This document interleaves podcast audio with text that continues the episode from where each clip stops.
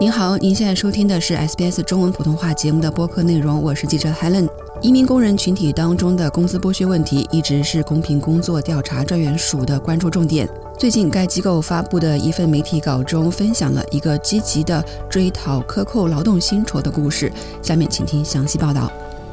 来自香港的移民工人施玉旺持打工度假签证来到澳大利亚。他在悉尼一家仓库从事包装工作期间，他觉得自己收到的劳动薪酬存在问题。在口译员的协助下，他告诉公平工作调查专员署：“他说这是我第一次出国，也是第一次打工，所以对澳大利亚的基本情况一无所知。我根本不知道加班工作的时薪率是不同的。”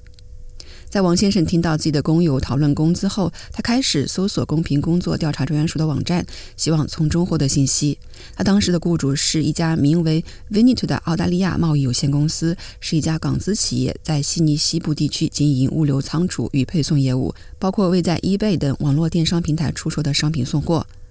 王先生从公平工作调查专员署的网站中获得了很多有用的信息。他说：“这个网站让我知道，每个在澳大利亚工作的人都有权享受法定权利。以前我从不知道，工人如果需要在周末上班，他们有权得到更高的报酬。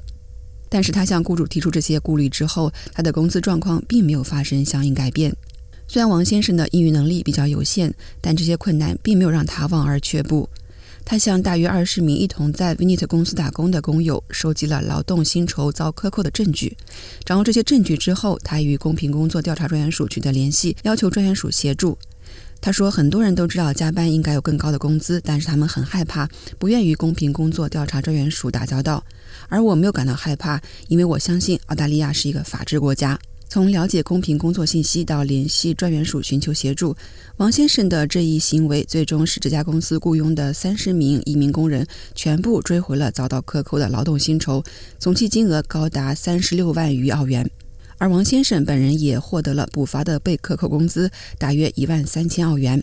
公平工作调查专员署同时对违法雇主采取了法律诉讼行动，法院判决对该公司及其一名董事处以将近五十六万澳元的罚款。公平工作调查专员安娜·布斯呼吁移民工人以王先生为榜样，了解权利，并在需要时大胆寻求帮助。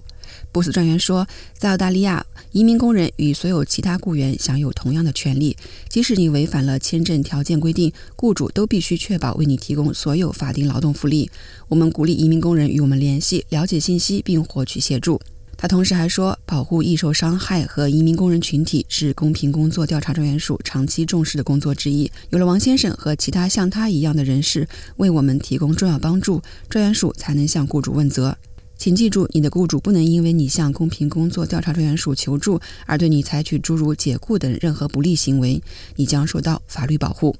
数据显示，虽然澳大利亚的移民工人仅占全国劳动力大军的约百分之七，但是他们在公平工作调查专员署的合规及执法个案中却占据了很高的比例。